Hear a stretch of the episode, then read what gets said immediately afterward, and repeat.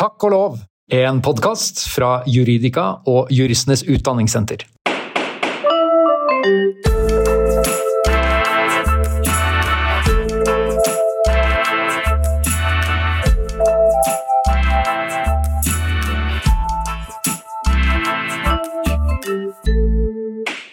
Hei og hjertelig velkommen til nok en episode av Takk og lov, en podkast for deg som lurer på hvordan jussen, og kanskje også juristene, egentlig henger sammen. Dagens episode er en spesialepisode, sånn bonus-hyggeepisode. Eh, vi får se, kanskje det blir masse uhygge, men vi skal snakke om et eh, morsomt og for mange ganske praktisk tema. Eh, hvilke rettssaksvettregler er det egentlig som gjelder?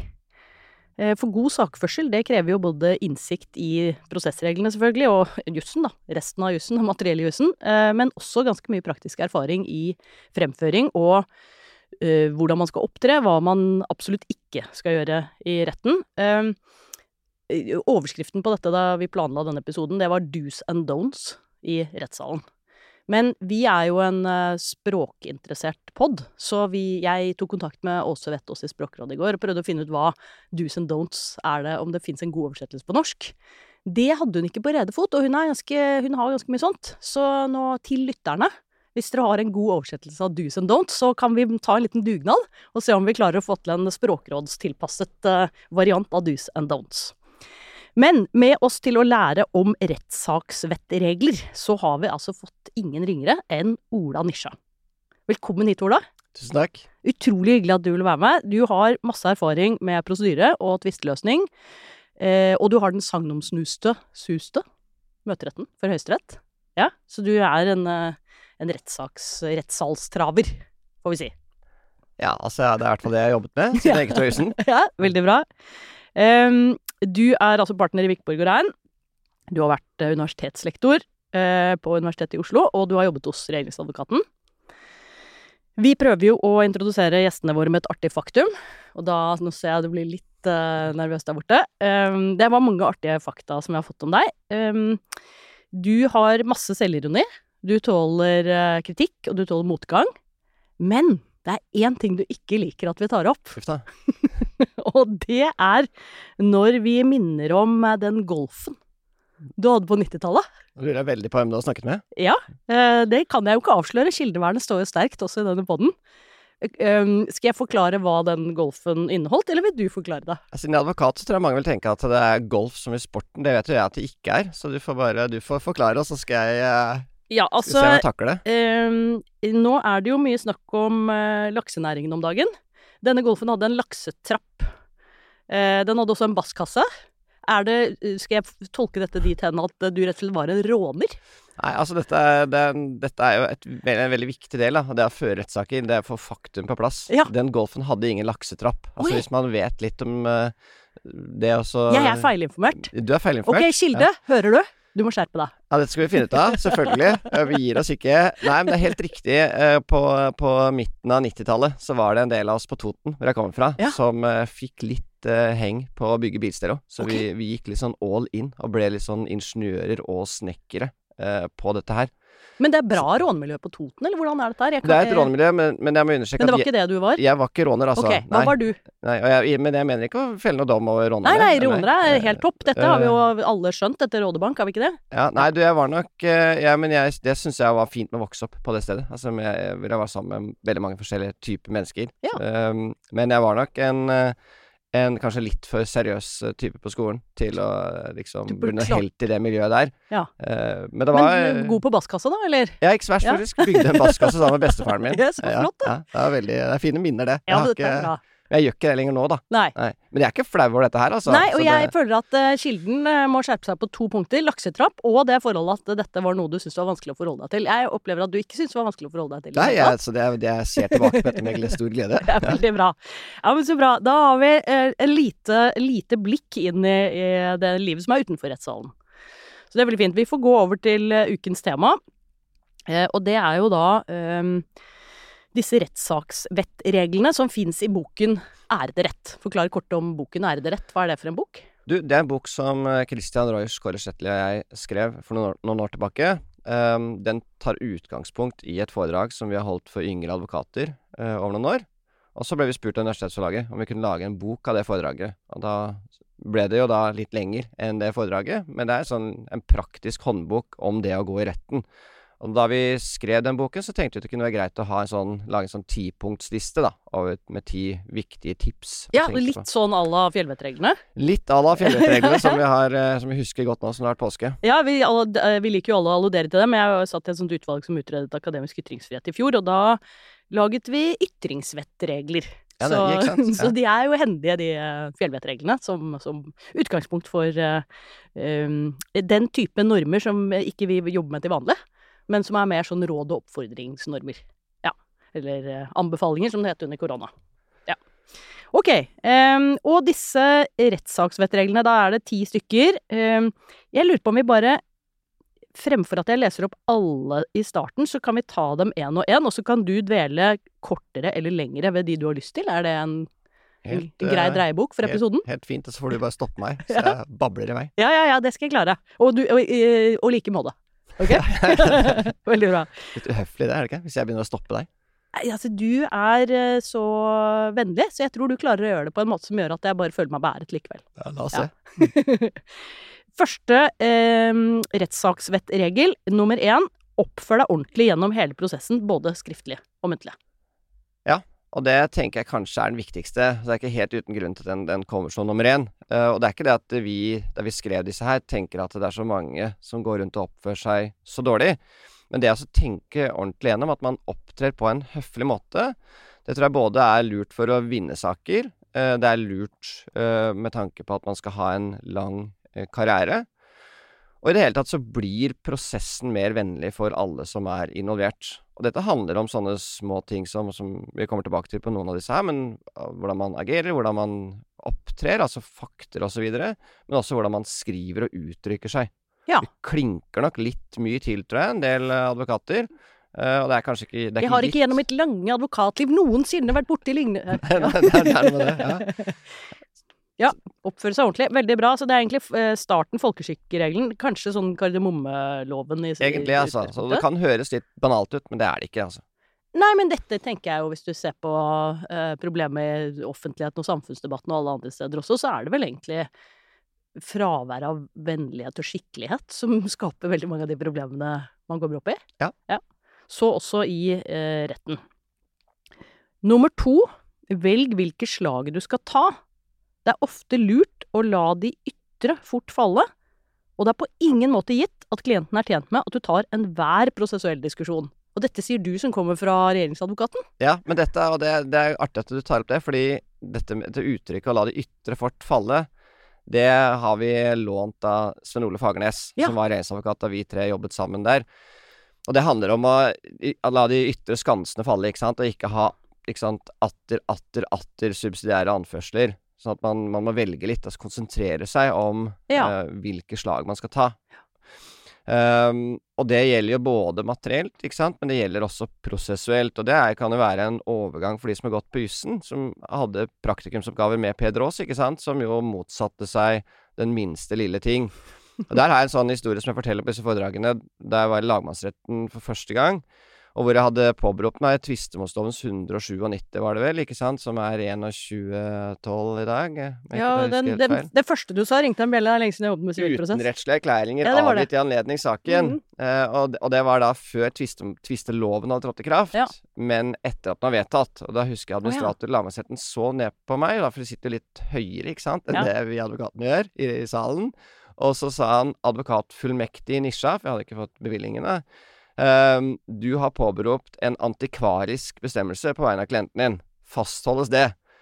Og da sa jeg nei, det fastholdes ikke. Det var da fremlagt en utenrettslig erklæring eh, avgitt i anledning saken, ikke sant. Så den eh, Ja. kunne ikke fremlegges under tvistemålsloven, kan fremlegges i dag så lenge vitnet møter. Det var okay. en endring der fra 1. januar Ja. det er ikke så viktig. Poenget var at jeg kunne ha spart meg for den innvendingen. Eh, fordi dette var ikke noe viktig dokument. Og det er litt sånn som han Peder Aas, ikke sant, i de praktikumsoppgavene. Han motsetter seg jo alt. Ja. Ikke sant? Alt skal avskjæres. Alle nye bevis skal avskjæres. Og det er litt det vi tar, tar opp her, med ikke ta alle prosessuelle diskusjoner. Det kan hende at du kan bite i deg en del av dette og tenke at det går helt fint, selv om man legger fram et eller annet etter fristen, ikke sant. Dette er veldig interessant. Jeg har jo um, jeg underviser primært i statsrett, men også på det som heter rettskilder til fots, som er det første møtet jusstudentene har med jussen. Og da går vi gjennom en praktikumsoppgave som vi bruker en hel uke på. Så gradvis liksom gjennom de ulike rettskildene. Um, og da er det egentlig alltid sånn at vi må uh, stoppe studentene fordi de går så fort frem. De er jo smarte, ikke sant. De skjønner hva som er sakens kjerne. For fort. Så vi må stoppe dem, for de må jo ha med seg alle de mulige problemstillingene underveis. Så vi lærer dem egentlig å bli de kverulantene som du da må avlære dem Ja, ja, når de kommer i retten. Ja, ja, veldig bra. Um, ikke brøk, bruk større ord enn du kan bære. Det er fint.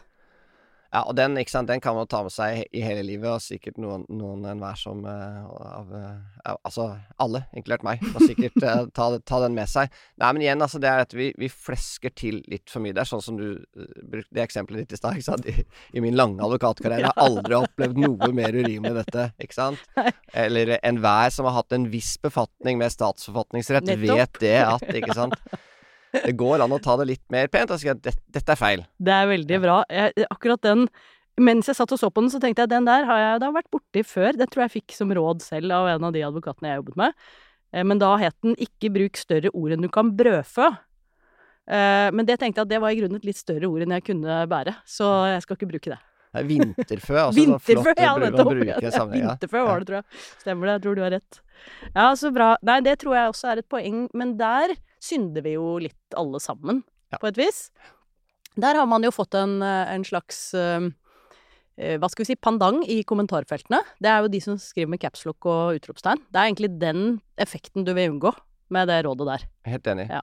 Det er så fint med hvordan, hvordan vi jobber. ikke sant? I, nå sitter jeg et større advokatfirma, ikke sant? men ta Justisdepartementets lovdeling, andre steder hvor man leser andres ting i annen hånd og tredje hånd, Ja. så ser du ofte det at når du får flinke folk til å lese det du selv har skrevet, så skreller de det ned, ikke sant? Ja. De tar bort sånn helt urimelig. Det er bare vanlig urimelig. Ikke sant? Det er eh, adjektivsyken, eh, nettopp. Og 'kill your darlings', som jeg fikk beskjed om av en eh, dreven advokat da jeg hadde indignert skrevet et leserinnlegg om et eller annet jeg var veldig engasjert om. Ja. um, neste, nummer fire, ta signaler fra dommerbordet. Ja, og det vi særlig er opptatt av der, ikke sant, det er å øke forståelsen for at det er tross alt dommeren som skal avgjøre saken. Eh, og når dommeren gir signaler, så må man få med seg det. Og det kan jo både være at dommeren sier at 'dette har jeg skjønt, så du, nå kan du gå videre'. Da bør man som regel gå videre. Samtidig som også dommeren kan si at 'dette forstår jeg ikke'. Da forstår jeg ikke hvor du vil med denne argumentasjonen eller denne bevisførselen. Ja, det er jo en oppfordring da, til å forklare det, da. Klargjøre litt, ja. ja. Um, og det, det er litt også derfor, derfor jeg bruker et eksempel fra min egen karriere. ikke sant? Det var et ganske klart signal om hva lagmannsretten tenkte der om det avskjæringsspørsmålet, ikke sant? Og denne utenrettslige erklæringen avgitt i anledningssaken. Ja. Han sier du har påberopt en antikvarisk bestemmelse. Uh, og det var et signal, og det var også, jeg hadde på, påberopt det, det var en feil, men jeg tok signalet, da, i det minste, ikke sant, på det tidspunktet. Nettopp, Ja. det er bra sånn, eh, og det er også sånn uh, Ja, sånne forsiktige spørsmål i forhold til tidsplanen og Da er det jo også sånn Nå må du kjappe deg, advokat. Ja. Ja. Jeg husker den, mitt, min første opplevelse av det der der. eh, Det var typisk at jeg ikke fulgte det rådet, da. Det var, min, det var første saken jeg prosederte. Det var faktisk i Gjøvik tingrett. Ja.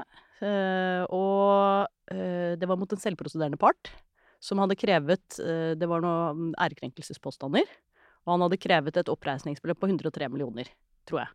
Så det var på en måte Det var ganske klart at det kravet ikke kom til å føre frem, i alle fall ikke i den størrelsen, da. Men det var jo min første sak, så jeg var forberedt til tennene. Og dro et langt innledningsforedrag hvor denne dommeren, hvis jeg hadde fulgt dette rådet der, da, så hadde jeg antagelig skulle bruke en tiendedel av den tiden. Og det var ikke en totning, da, siden du var oppe i Gjøvik, ikke sant, fordi de ville jo aldri ha fremsatt et sånt helt urimelig krav. Nei, eh, nå skal jeg ikke røpe hvilken part det var, men det kan vi komme tilbake til hvor vedkommende var fra. Jeg, det var iallfall eh, sendt ut eh, noen brev i sakens anledning til alle næringsdrivende i Gran kommune, så det må jo ha vært noe i var på omegn, Hadeland. kanskje. Det er på ja, Hadeland. Hadeland, ja. ja. Å ja, så det er noe annet. Ja, da, Jeg beklager. Ja, men det er familie der så vi skal ikke hakke løs på Hadeland heller. Nei, nei, ok. Vi går videre. Veldig bra å ta signaler fra dommerbordet, altså. Nummer fem. Ikke ha fakter. Og forsøk å unngå å gi motparten og dennes prosess prosessfullmektig negative karakteristikker. Ja. Nei, ikke sant, og det er igjen da henger sammen med den oppfør deg ordentlig, men, den, men konkretiserer den litt, og det er når man sitter i retten, så kan det være fristende, ikke sant. Man, er, man er, har litt adrenalin i kroppen, og du har en klient som gjerne ønsker at du skal hamre løs. Så man sitter og rister litt på hodet, eller himler med øynene, slår ut med armene. Det passer ikke i en rettssal, det, og det imponerer ingen dommere. Man vinner ingen sak med å sitte sånn. Det er det vi, det vi mener med det.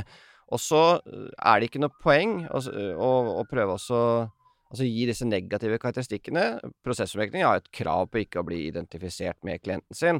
Så ikke sant? eh, Advokat Kjærulf eh, kan umulig ha studert juss, ikke sant? Eller at det, det var kanskje litt ekstrem, da, men kan umulig ha lest, lest seg ordentlig opp på kildene til tross Ja, for sin eh, Det er mulig ha fått med seg at det er en ny tvistelov, i og med at hun holder seg til den gamle tvistemålsloven fremdeles. Ja. Men uh, nei, det, det er, så det, det er en konkretisering av den 'oppfør deg ordentlig', da. Ja. Men som er noe som man ser. Altså det er en form for unoter som uh, eh, mange kan ha.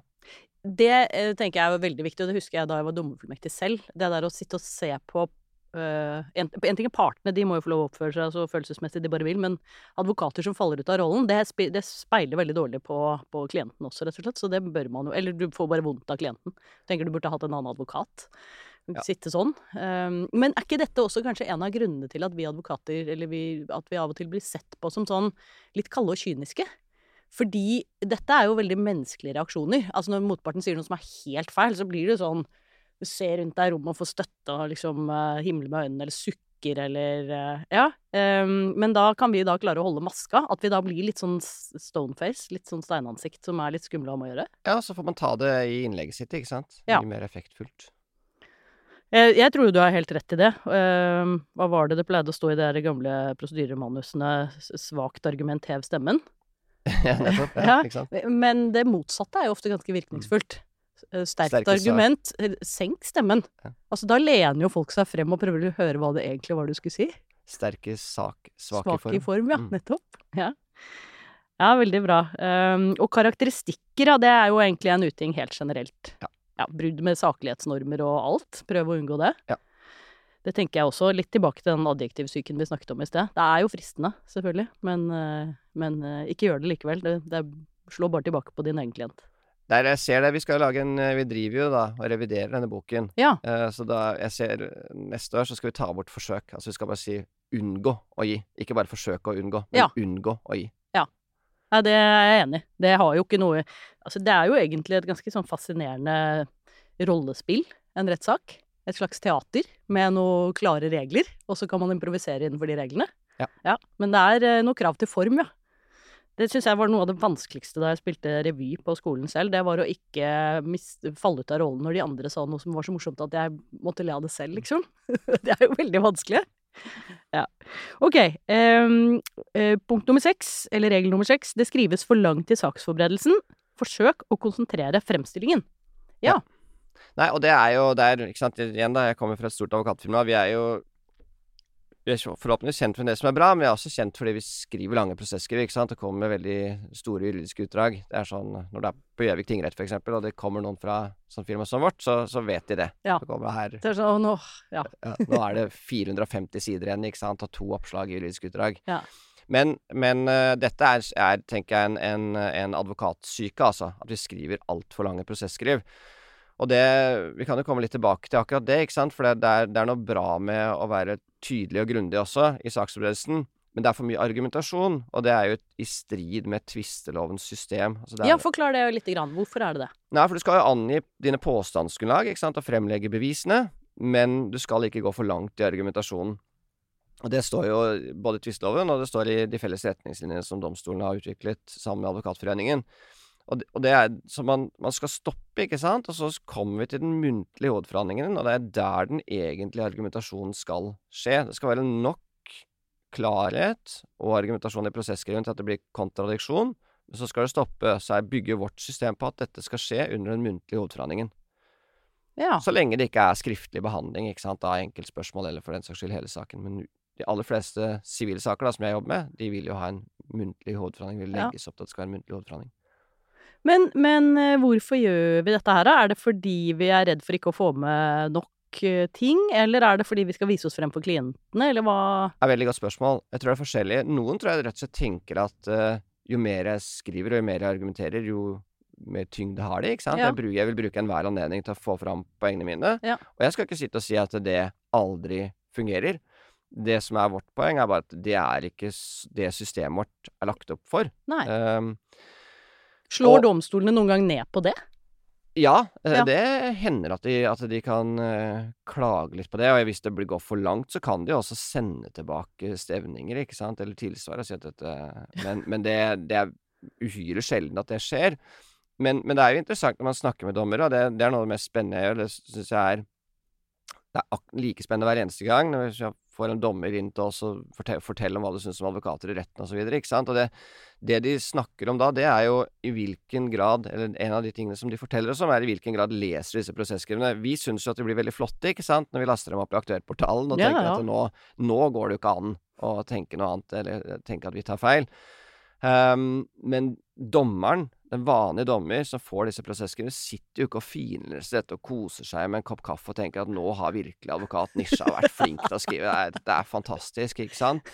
De ser jo om det er noe prosessuelt å ta opp nå. Ja. For de skal, ha en, de skal jo ha en barnevernssak eller en straffesak eller noe annet viktig ikke sant, som pågår. Og så får vi jo se på dette når den muntlige hovedforhandlingen kommer. Og motparten har jo Det er jo også et, av det en advokatfeil, ikke sant. Vi, vi glemmer at vi har to ører og én munn. Så motparten er jo stort sett bare interessert i sine egne argumenter. Det er noe, noe, av, det, noe av den største liksom endringen vi burde gjøre med oss selv. Da. Følge mer med på hva motparten sier. For det hender jo at de har noen poenger, ikke sant. Så Ja. det er å finne de så tidlig som mulig. Men igjen, da, du spør hvem, de, hvem man skriver for. Jeg tror det er flere ting. Det er det at man, man tenker det at jo, dette blir mer Altså, jo mer jeg bare hamrer på med argumenter, jo mer overbevisende blir det. Eh, og så er det selvfølgelig klienten. Klienten vil ofte ønske du må, du må ta til mot dette er helt feil, du må dette må du ta opp, ikke sant? Og så kan vi forklare om påstandsgrunnlaget vårt, det ble angitt i tilsvaret, så det har vi sagt, så vi trenger ikke å si det på nytt nå. Uh, og så er det jo det selvfølgelig at det er vanskelig å skrive kort. Altså Ja. Det å skrive kort og poengtert, altså sånn som Kåre Lilleholt eksempel skriver, det er en kunst i seg selv. Ja, det Ja. Han og Andenes er også utrolig sånn uh, konsist. Jeg måtte lese den boka to ganger før jeg skjønte at det egentlig var noen problemstillinger der, liksom. Ja, ja, nei, dette tilslutter jeg meg helt. Uh, um, en veldig disiplinerende øvelse. For det er jo liksom treningssak også, det der å skrive kortere. Det er å skrive i avisen av og til. For det, da har du så få tegn. Ja. Så da må liksom barbere, barbere og barbere. Få det ned. Ja. Nei, dette tror jeg er, veldig viktig. Kan noe av dette også skyldes at man At man ikke helt vet hvordan det leses av de som faktisk er dem man skal overbevise? Altså hvis hadde Hvis alle måtte være litt eh, på dommerbordet, eller på at man eh, flyttet stoler litt mer Hadde litt mer storleken eh, fremfor bare å være i den rollen man er som advokat. At man ville skjønt mer av hvordan det så ut for leseren. Det er helt riktig. Jeg, jeg, har, eh, jeg hadde innlegg på advokatkurset, saksforberedelse i sivile saker, og der har jeg fått da, denne markedsavdelingen vår til å lage en pall eh, på en av slidene, altså en sånn pall som idrettsutøverne hopper opp på, ikke sant? Med, en, med en førsteplass og en andreplass og en tredjeplass, ikke sant, sånn som de pallene har. Ja. Og bare minner om at på førsteplassen så er det klienten, det er parten, det er partenes sak, Ja. sant? Og så er det hvem er det som skal avgjøre det, det er dommeren, så dommeren får andreplassen Ja. så er vi på tredjeplass. Til tross for at vi liksom Vi har masse adrenalin, det er vi som stort sett fører ordet. Vi har en veldig viktig rolle for å få gjennomført disse sakene, og ikke minst så syns jo veldig mange av oss at det er utrolig gøy, det vi Mhm. holder på med. Ja. Men vi er på en klar tredjeplass, ikke sant. Ja. Og det er, det, det er nettopp det du sier, ikke sant. Altså hvem, hvem er det som skal lese? Det tenker vi egentlig nok gjennom det. Ja. Du skjønner du, tror du har hovedrollen, men egentlig er du en, eh, en eh, utrolig viktig statist som skal spille de andre gode. Ja. Ok, eh, regel nummer åtte. Da fikk jeg veldig sånn eh, påskevibber igjen, ja. Eh, for der heter det 'det er ingen skam å snu', eller 'venn i tide, det er ingen skam å snu', tror jeg den eh, regelen egentlig er. Men her står det 'det er ingen skam å forlike'. Og det hørtes ut som var en god eh, der, har vi, der har vi latt oss inspirere av Ja, fjellvettreglene. Ja. riktig. Uh, nei, og det er jo det å hele tiden tenke forliket, ikke sant. Det legger også tvisteloven opp til. Um, og det er- sto vel i, i NOU-en til tvistemålsutvalget, som det er veldig vanskelig å være uenig i. Generelt er forlik en god måte å løse rettstvister på. Og det, og det er jo helt riktig. Eller 'slutt å krangle, gutter', som det også står. Ja. Og det, man skal, dette skal man tenke på, ikke sant? Og man skal ta opp igjen den tanken underveis. Man skal ikke bare se på det når, når stevningen kommer, eller, eller um, når man, er, når man um, inngir stevningen. Uh, man skal se på det underveis i saksberedelsen, man skal se på det når hovedforhandlingen nærmer seg, man skal tenke på det underveis i hovedforhandlingen. Og noen ganger, det er ikke så veldig ofte det, men det er ikke ingenting i veien for det, så forliker vi også saker etter at saken er tatt opp til doms, men før dom forfaller, Mm. og så og ikke minst så forliker vi saker også etter at dom har falt, og, et, og etter at vi har anket. Altså i det hele tatt, man Ja. tar opp igjen den tanken. Og så er det jo det at eh, vi også skal kjempe klientens sak, ikke sant? Sånn at det, det er ikke alle klienter som alltid ønsker at vi skal mase om forlik, forlik, forlik, forlik. Men er det, har klienten en sak som bør forlikes, så må man jo være veldig tydelig på det, da, Mm. i sin rådgivning. Ja, det var en, av de største aha-opplevelsene jeg hadde med å jobbe som advokat. Det var det at det, for mm, det er jo åpenbart at du må argumentere overfor motparten, og dels eh, dommeren. Men uh, hvor mye du egentlig må, må argumentere overfor din egen part for å få vedkommende til å eh, be dem å gjøre de tingene de, de burde be dem å gjøre, istedenfor det, det de ber dem å gjøre. Um, den regelen der, den henger jo litt sammen med den fjellvettregelen den er modellert etter, også på den måten at hva er det som gjør at vi trenger en sånn regel? Ikke sant? Hva, Venn i tide, det er ingen skam å snu. Hva er det som gjør at vi ofte ikke snur når vi burde snudd? Det er jo at vi har en eller annen, et veldig klart mål, og en litt sånn stolthet i at vi skal dit. For det er målet som er målet, og ikke veien som er målet, på en måte. Ja, dette er det forsket på. Både ja, Sverre Blandol og, og en rekke amerikanske forskere har jo skrevet ganske bra om det her. Mm. Og, og de psykologiske effektene som rettssakene har på oss, og også advokatene. Vi blir jo dårligere til å vurdere prosessrisiko jo mer vi jobber med saken. Fordi vi, vi får uh, confirmation bias og så Ja, ja. videre, ikke sant. Så det Derfor trenger vi den regelen. Vi trenger å bli minnet på det. Um, forlik. Ja. God måte å løse rettstvister på. Ja, og særlig skam, for det er jo det, det er knyttet til stolthet, eller Det er jo disse biasene, men det, det oppleves jo for oss som en eller annen form for halvgod løsning eller nederlag eller noe annet enn ditt vi skulle.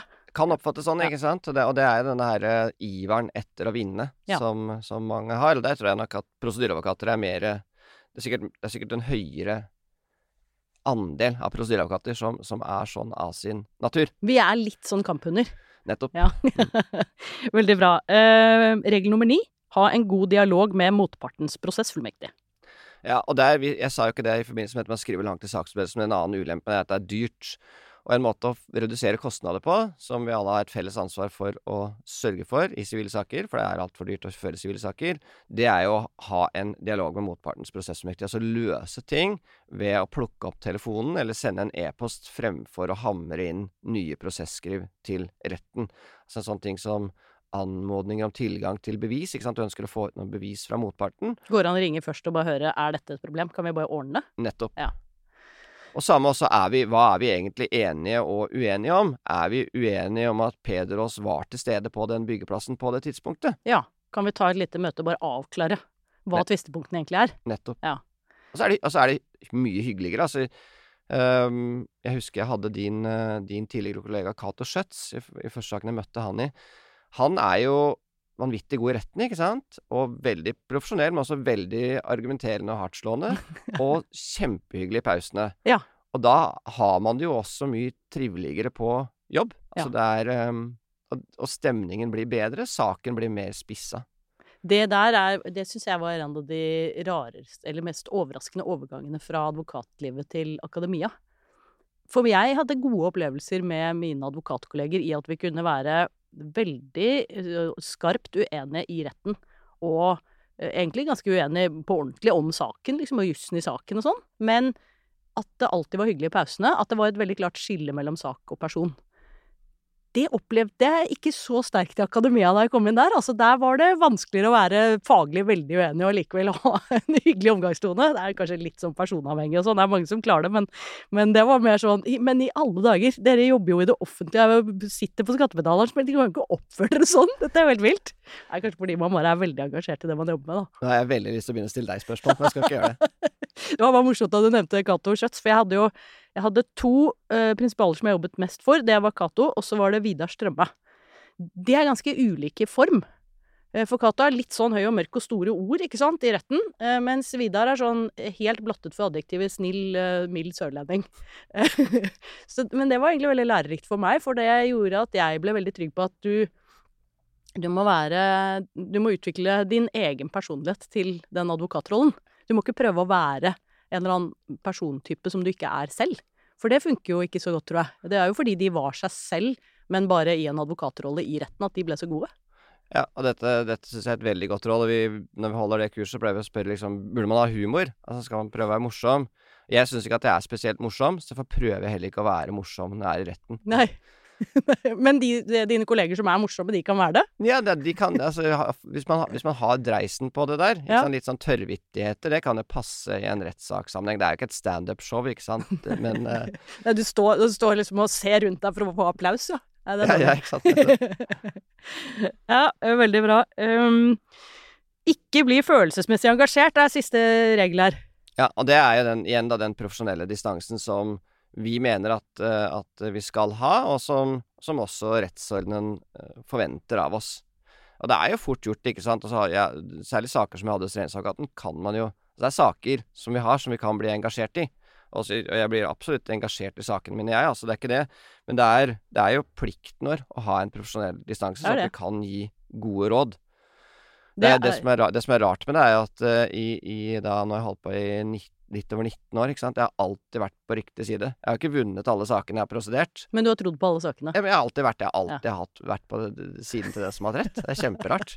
Ja, det er jo helt uh, forbløffende at det skulle ramme Ja, akkurat deg. Helt utrolig. Det er vel ikke noen andre som egentlig har den track recorden, tror jeg, på Nei, det riktige saker. Nei, det kan være. Altså. Jeg tror du glemte én, forresten. Ja, Å, gjorde jeg det? Ja, nummer syv. Den, den er veldig viktig. Å nei, den må vi ha med. Beklager, hoppet jeg over nummer syv. Nummer syv. Finn frem til hva som er sakens springende punkter, og konsentrer deg om disse. Ikke spring etter alle kaniner. Ja, og den er litt egentlig til den der spissingen som vi snakket om eh, eh, På hvilket punkt var det, da? Eh, nå, har jeg gått litt i sur. Velg hvilket slag du skal ta? Nummer to? Ja. Ja, ok, få høre. Hva, eh, hva har du å tilføre der, siden det er en egen regel? Ja, nei, og det er jo Det er jo dette som jeg sa i stad, ikke sant? Og som jeg tenker at uh, vi alle skal huske på. To ører og én munn. Ja, dette er jo en, generelt en god leveregel. Det er det. ja. Uh, og det er det å, å følge med på, ikke sant. Fordi stort sett, ikke sant, jeg sier det at uh, Jeg har vært så heldig da, ikke sant, at jeg alltid er på riktig side. Men motparten har jo stort sett noen gode argumenter. Og hvis vi bare koser oss med våre egne, så, så fanger vi ikke opp de. Og det er det jo før i saken, da, jo før i saksforberedelsen, og, og, gjerne før stevning tilsvarer også, du skjønner hvor er det slaget egentlig kommer til å stå Ja. jo bedre advokat er du, for da mobiliserer du på de viktige punktene. Og da er vi igjen tilbake til den der la de ytre fort falle. Ja. Det er ikke så viktig med disse atter, atter, atter subsidiære. Hvis du vet at dommeren kommer til å løse på et av, et av eller du tror at dommeren kommer til å løse på et av hovedspørsmålene, det er der motparten har de beste argumentene. Det er der du må mobilisere. Jeg er jo veldig enig i det. Det er interessant. Vi har, eh, det er en sånn eh, nordisk prosedyrekonkurranse for jusstudenter, som jeg var med i selv i gamle dager, men hvor jeg har vært veileder siden. Og vårt veilederteam, eh, det er veldig opptatt av akkurat det du sier der. Samtidig så ser vi at der er det litt sånn ulike eh, tradisjoner, kanskje i de nordiske landene, eller noen er litt mer akademisk interessert, eller hva de har lyst til å prøve studentene i. For vi mener at studentene nettopp skal gjøre det, og kanskje særlig den muntlige prosedyren, selvfølgelig, spisse det om det som egentlig er sakens kjerne. Mens eh, noen av, kanskje særlig svenskene, de har en tendens til å gi veldig uttelling for eh, rikdom i argumentasjon. Og det skjønner jeg jo på en måte, for det er litt tilbake til Peder Aas, ikke sant? Finne alle problemstillinger og bli den kverulanten. Men eh, jeg tenker når man kommer over i det virkelige rettsliv, så er dette det er veldig sentralt. Når det gjelder disse rettssaksreglene, så mange av disse Det er jo snakk om Det er en balansekunst, ikke sant? For når det gjelder det med springende punkter Så man kan ikke kutte så mye at man bare står igjen med ett spørsmål. Fordi noen ganger så vet man jo ikke det, ikke sant? Hva, hva dommeren, hvordan dommeren kommer til å avgjøre en sak. Nei, og Og det, det- kan jo være man vurderer ting på ulike måter, hva som faktisk er viktig. Og du ser jo det noen ganger i høyesterettsdommer. Det, det er mareritt for en advokat, ikke sant? For Høyesterett sier det at denne saken kunne ha vært løst på sånn og sånn grunnlag, men det er ikke anført. Ikke sant? Det er jo Kan være litt kjedelig for en advokat. Det vil jeg si, fordi jeg er bundet av anførslene, så da fikk du ikke behandlet det du egentlig skulle få behandlet. Ja. Ikke havn i den situasjonen. Um, Ola, vi pleier å avrunde podene poddene våre med å invitere gjesten vår til å fortelle et eller annet vi burde ha hørt. Er det noen historier? Nå har du jo allerede tatt en del, men er det noen historier fra retten eller andre steder, eller noe du tenker at våre lyttere burde ha hørt? Jeg vet ikke om dette er en sånn historie som man burde ha hørt, og det er ikke noe Jeg pleier å si det for å fange opp rykter, så pleier jeg å si at jeg er den siste som hører om rykter. Ja. For da tenker jeg at da får jeg høre mer eh, av hva som Å, skjer. det var lurt. Ja, det begynte jeg med hos Renestadgaten, faktisk. Og det er, det er der, der den historien min er fra. Det er ikke, eh, men det er ikke ja, historie historie, men det var noe som jeg tenkte på, fordi vi, er sånn, vi jobber jo mye på Teams nå, og det har vært veldig hyggelig. I påsken så er det flere kollegaer som har hatt bursdag, da er det noen som er så flinke, og så legger de sånn 'Gratulerer med dagen'. Eh, Peder Aas, da, for eksempel. Ja. Ikke sant? Og så kaster alle seg på. Veldig hyggelig. Plinger det i telefonen. Men da jeg jobbet hos Renestadgaten, så hadde jeg Sven Ole Fagernes som sjef. Og dette var jo før Teams, eh, for det er noen år tilbake. Det som var så fantastisk med han, da, blant annet, utover at han var en suveren prosedyreadvokat, ikke sant, det var at han var utrolig opptatt av uh, folka sine. Og at det skulle være hyggelig å være hos Renestadgaten. Og han hadde da lagt inn på sin telefon bursdagen til alle oh, kollegaer. fint. så på bursdagen din så ble du alltid oppringt av Sven Ole, eventuelt fikk en tekstmelding da, hvis han var i retten. 'Gratulerer med dagen'. Og det syns jeg var så flott karaktertrekk da, ved en sånn kar ikke sant, som har brukt hele karrieren sin på å sitte i skyttergraver på vegne av staten ikke sant, og prosedert og prosedert, men som da tok seg bryet med å legge inn bursdagen til alle eh, sine ansatte. Vi var vel 50 eller noe sånt på det tidspunktet. da. Å, det var veldig fin eh, historie. Og vi hadde jo eh, Sven Ole eh, Fagernes og i en pod for Nå husker jeg ikke helt når det var. To par-tre sesonger siden. Sammen med politidirektøren, Benedicte Bjørnland. Det, der kom det også ganske mange gode historier. Så den kan jeg bare anbefale for lytting for nye lyttere. Eller gjenlytting for de gamle som eh, vil glede seg over hvor hyggelig det kan være å ha Sven Ole Fagernes. Enten som sjef eller som eh, studiogjest. Det, kan jeg, det første kan jeg skrive det på. Tusen takk for at du eh, kom og forklarte litt om hvordan man bør og ikke bør opptre i retten, Ola. Tusen takk for meg. Det var veldig hyggelig, og tusen takk til dere lyttere som eh, ble med på dette her. Forhåpentligvis til eh, nytte og ettertanke for noen av dere som faktisk går i retten, og kanskje til eh, humring eller ny opplysning for dere som bare har sett dette teateret utenfra og lurt på hva i all verden advokatene driver med der inne. Da var det tid for litt grann reklame. På Juridika så finner du denne boken som vi har snakket om i denne episoden her, Æredrett, krasjkurs i sakførsel, som altså er skrevet av eh, Ola Nisja, som var med her i dag, og eh, Christian Reusch og Kåre Shetling. Og hvis du ikke lærte alt om sakførsel i denne episoden, så går det an å finne svar på enda mer du trenger i den boken. Og i tillegg så er lovkommentaren til tvisteloven skrevet av Tore Skei, Arnfrid Bårdsen, Dag Bugge Nordén, Christian Reusch og Toril Øie, tilgjengelig for alle med tilgang til Juridika. Og med Juss Digital fra Juristenes Utdanningssenter får du tilgang til markedets største portefølje av juridiske kurs. I abonnementet så kan du plukke og mikse fra deres portefølje av levende juss. Det skal være enkelt å ta vare på sin egen kompetanse, syns juss, og med Juss Digital så har du etterutdanningen din tilgjengelig der hvor du er.